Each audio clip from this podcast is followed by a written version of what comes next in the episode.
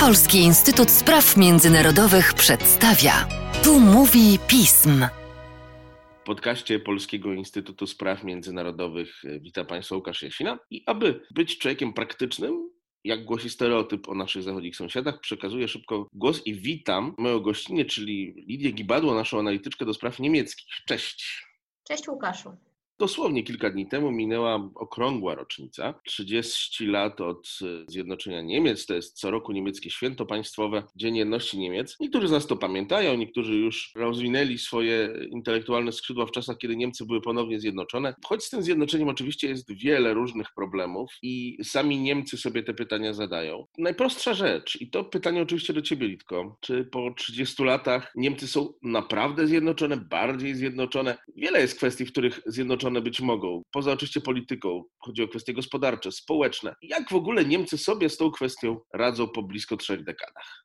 Odpowiadając na Twoje pytanie, to Niemcy dziś, w 2020 roku, 30 lat po zjednoczeniu, są na pewno bardziej zjednoczone niż były 30 lat temu. Na to wskazują chociażby dane. Co roku pełnomocnik rządu federalnego do spraw Niemiec Wschodnich publikuje raport, w którym przedstawia stan tego zjednoczenia w różnych dziedzinach od polityki społecznej przez edukację po kwestie na przykład migracyjne. I widać, że ten poziom życia powoli, ale jednak się wyrównuje. Na przykład pokazują to dane dotyczące infrastruktury. Obecnie średni czas dojazdu do najbliższego dworca kolejowego zajmuje w Niemczech Wschodnich pół godziny, w Niemczech Zachodnich 25 minut. Nie jest to może najbardziej spektakularny wynik, niemniej jednak widać, że ta różnica jest dość mała. Podobnie sprawa wygląda w przypadku liczby kobiet aktywnych zawodowo. Tutaj to bardziej odnosi się do Niemiec zachodnich, ponieważ Niemcy wschodnie były znane z tego,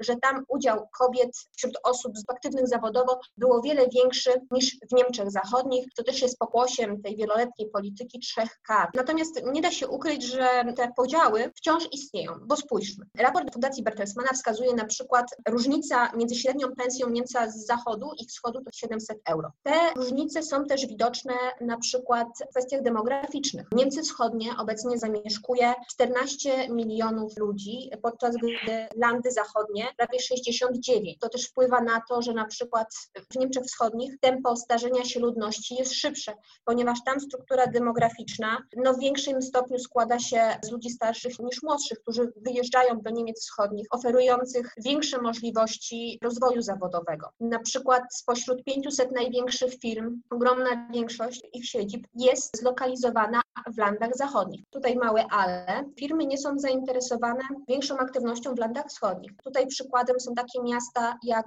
Lipsk czy Drezno, gdzie coraz więcej firm, na przykład przemysłu samochodowego czy firm IT lokuje swoje siedziby i tutaj też też ciekawe zjawisko, myślę, że nie ograniczające się tylko do Niemiec, ale ogólnie do skali europejskiej, podczas gdy liczba ludności na wschodnio-niemieckiej prowincji zmniejsza się, to te większe miasta, takie jak właśnie Lipsk, Drezno, Berlin czy też Poczdam przyciągają coraz więcej osób z zachodu Niemiec i obecnie możemy też wskazać, że te przepływy obecnie są większe z zachodu niż na wschód, niż ze wschodu na zachód. Czyli to rzeczywiście sporo zmienia i są to też pewne sprawy nieoczywiste, bo mamy ogromny mit dotyczący tego, jak e, traktował Zachód-Wschód, ale choćby ta kwestia kobiet nam tutaj wiele zmienia. Ale czy wpływa to na debatę o zjednoczeniu Niemiec samych Niemczech? E, czy to jest ciągle jednak najważniejsze pozytywne wydarzenie? Tylko po prostu mówi się o pewnych negatywach coraz więcej? To jest na pewno najważniejsze wydarzenie. Na to wskazują badania opinii publicznej, że zjednoczenie po 30 latach wciąż pozostaje najważniejszym wydarzeniem we współczesnej historii Republiki Federalnej Niemiec. Ale przez lata ta narracja dotycząca zjednoczenia dość znacząco się zmieniła no nie pozostaje wątpliwością, że jest to sukces Niemiec, natomiast obecnie więcej mówi się o jego kosztach. Tutaj na przykład sami, sami politycy sami wskazują na to, że koszty zjednoczenia w dużym stopniu ponieśli ci wschodni Niemcy. Na przykład w ostatnim wywiadzie dla Deutsche Welle Wolfgang Schäuble, ówczesny minister spraw wewnętrznych, a obecnie przewodniczący Bundestagu, mówił o tym, że arogancja Niemców z zachodu wobec Niemców ze wschodu no po 30 latach wciąż jest obecna. Zwróćmy na to także uwagę, że w badaniach opinii publicznej 60% Niemców ze wschodu wciąż twierdzi, że jest obywatelami drugiej kategorii. Z czego to wynika? No chociażby z tego, że w Niemczech Wschodnich panuje też takie poczucie niedocenienia tego dorobku, które jednak NRD do pewnego stopnia wniosła do Zjednoczonych Niemiec. No na przykład, jeżeli spojrzymy na firmy funkcjonujące w NRD, oczywiście firmy państwowe, które nie mogły pewnie równać się z poziomem firm zachodnich, ale jednak były to firmy dobrze funkcjonujące. Sposób, w jaki prywatyzowano majątek na wschodzie Niemiec, też budzi ogromne kontrowersje. To, że często właśnie te firmy, ośrodki wypoczynkowe były sprzedawane za bezcen i w dość kontrowersyjnych okolicznościach i były kupowane no właśnie nie przez Niemców ze wschodu, tylko przez Niemców z zachodu. I często też było tak, że ta elita Niemiec wschodnich nie została wchłonięta przez Zjednoczone Niemcy. No tu są przecież historie wielu rodzin, wielu osób, które traciły pracę, no i na których życiu to zjednoczenie niekoniecznie pozytywnie się odbiło. No myślę, że tutaj takim symbolem tego, jak te Niemcy się zmieniły, wciąż pozostaje film Goodbye Lenin, prawda? który najbardziej pokazuje tą drugą twarz zjednoczenia. Jedno takie krótkie pytanie jeszcze, aby to trochę rozszerzyć, co mówisz. Kolejny mit trochę do omówienia. AfD, które odnosiło sukcesy głównie na wschodzie Niemiec, były NRD, choć ty kiedyś podczas jednej z naszych rozmów słusznie mi wypomniałaś, że też to się zdarzyło już i w landach zachodnich. To kwestia wiązana głównie z NRD. Więc pierwsza część pytania, jak ważnym elementem krajobrazu jest ta partia polityczna we wschodnich landach? I druga kwestia, która bardzo Polakom się wydaje ważną, myślę, że jest taką naprawdę kwestia stosunku do Rosji. Czym różni się stosunek wschodnich części Niemiec do Rosji od tego z zachodnich części Niemiec? Przypominam, że Nord Stream ma jednak poważny wpływ na gospodarkę Mecklenburgii, Pomorza Przedniego chociażby.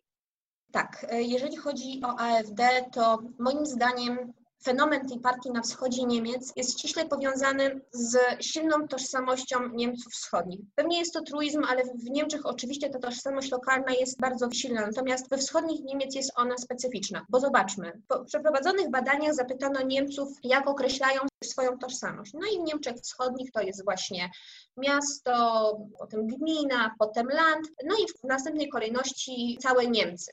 Na podobne pytanie w Niemczech Wschodnich mamy miasto, gminę, land, Niemcy, a zanim będą Niemcy, są jeszcze Niemcy Wschodnie. I fenomen AfD polega w dużej mierze na tym, że partia AfD jako partia kryzysów, która po prostu żyje na tych kryzysach, przejęła to wciąż istniejące niezadowolenie ze stanu zjednoczenia Niemiec. Zobaczmy, jak to wyglądało w e, ubiegłym roku podczas wyborów landowych. Jesienią mieliśmy wybory e, w Brandenburgii, w Turyngii i w Saksonii i we wszystkich tych landach AfD odniosła ogromne sukcesy. I tam głównym tematem tej kampanii AfD było osadzenie się w roli partii Niemiec Wschodnich, partii tych niezadowolonych, poszkodowanych landów. Bo zobaczmy na przykład na kwestię wyjścia z węgla. AF, y, w Niemczech Wschodnich znajduje się jedno z niemieckich zagłębi węglowych oraz elektrownie wykorzystujące właśnie węgiel. Jest to wciąż do pewnego stopnia kontrowersyjna kwestia, ponieważ już teraz premierzy landów i rząd federalny doszli do porozumienia dotyczącego tego, kiedy mają zostać wygaszone kopalnie elektrownie oraz e, sumy, która ma być przeznaczona na restrukturyzację tych terenów. Natomiast w ubiegłorocznej kampanii AfD bardzo mocno wykorzystywało ten wątek jako przykład na to, jak Zachód Niemiec, jak rząd federalny nie bierze pod uwagę interesów Niemiec Wschodnich i narzuca niejako swoją wolę. Spójrzmy także na to, jak na przykład w takiej w samej CDU istnieją właśnie różnice pomiędzy Zachodem a Wschodem Niemiec. Przecież tegoroczny kryzys na początku roku, który zakończył się rezygnacją ze stanowiska e, przewodniczącej Annegret Kramp-Karrenbauer, wynikał z tego, że, że te CDU w Turyngii wbrew instrukcjom zarządu federalnego partii zdecydowało się poprzeć wraz z AfD Tomasa Liberalnego polityka na stanowisko premiera i to wbrew wyraźnym instrukcjom partyjnej centrali. Też widać, że to CDU w, we wschodnich Niemiec jest na przykład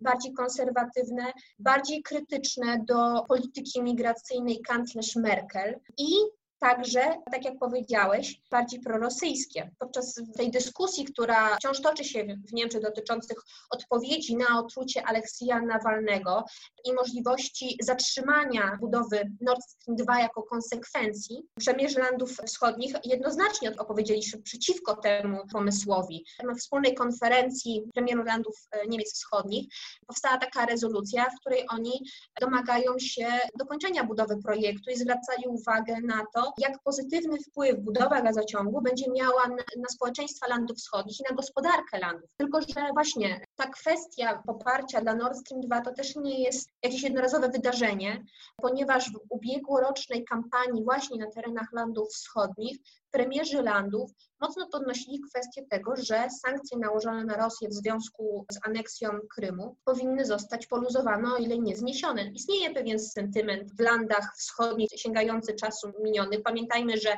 większość mieszkańców landu to są osoby starsze, które właśnie pamiętają te czasy. No i wspomniałeś o możliwych konsekwencjach zatrzymania tego projektu. Chodzi mi o Nord Stream 2, no tutaj chodzi przede wszystkim o rafinerię Szwed znajdującą się w Brandenburgii. Rzeczywiście ważna rzecz. Też kompletnie w Polsce nieznana. Bardzo, bardzo tutaj szachtujemy, że tak użyję niemieckiego sformułowania Niemcy w tych naszych wyobrażeniach. No nie, tutaj właśnie, tak jak powiedziałeś, mamy bardzo wiele odcieni szarości i ścierających się odmiennych punktów widzenia. I to nie tylko pomiędzy poszczególnymi partiami, ale wręcz wewnątrz tych partii.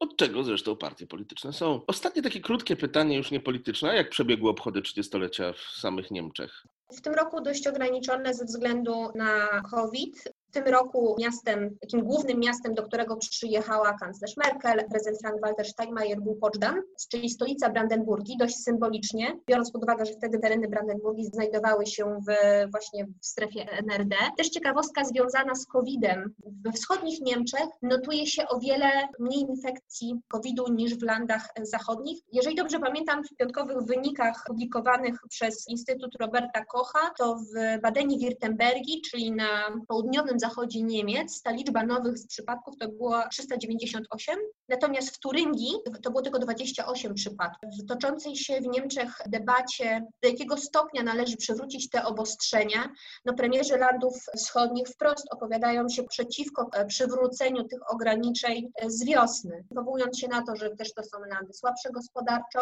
Konsekwencje mogłyby w większym stopniu dotknąć ich niż landy zachodnie, które mogą sobie z tym lepiej poradzić. Życzymy więc każdej części Niemiec, i wschodniej, i zachodniej, tego, żeby sobie doskonale radziła z COVID-em, tak jak my wszyscy zresztą. A Tobie dziękuję bardzo, bardzo za ważny wkład merytoryczny w naszą dyskusję na temat Niemiec, jakże potrzebny w tych trudnych dniach. Dzięki śliczne.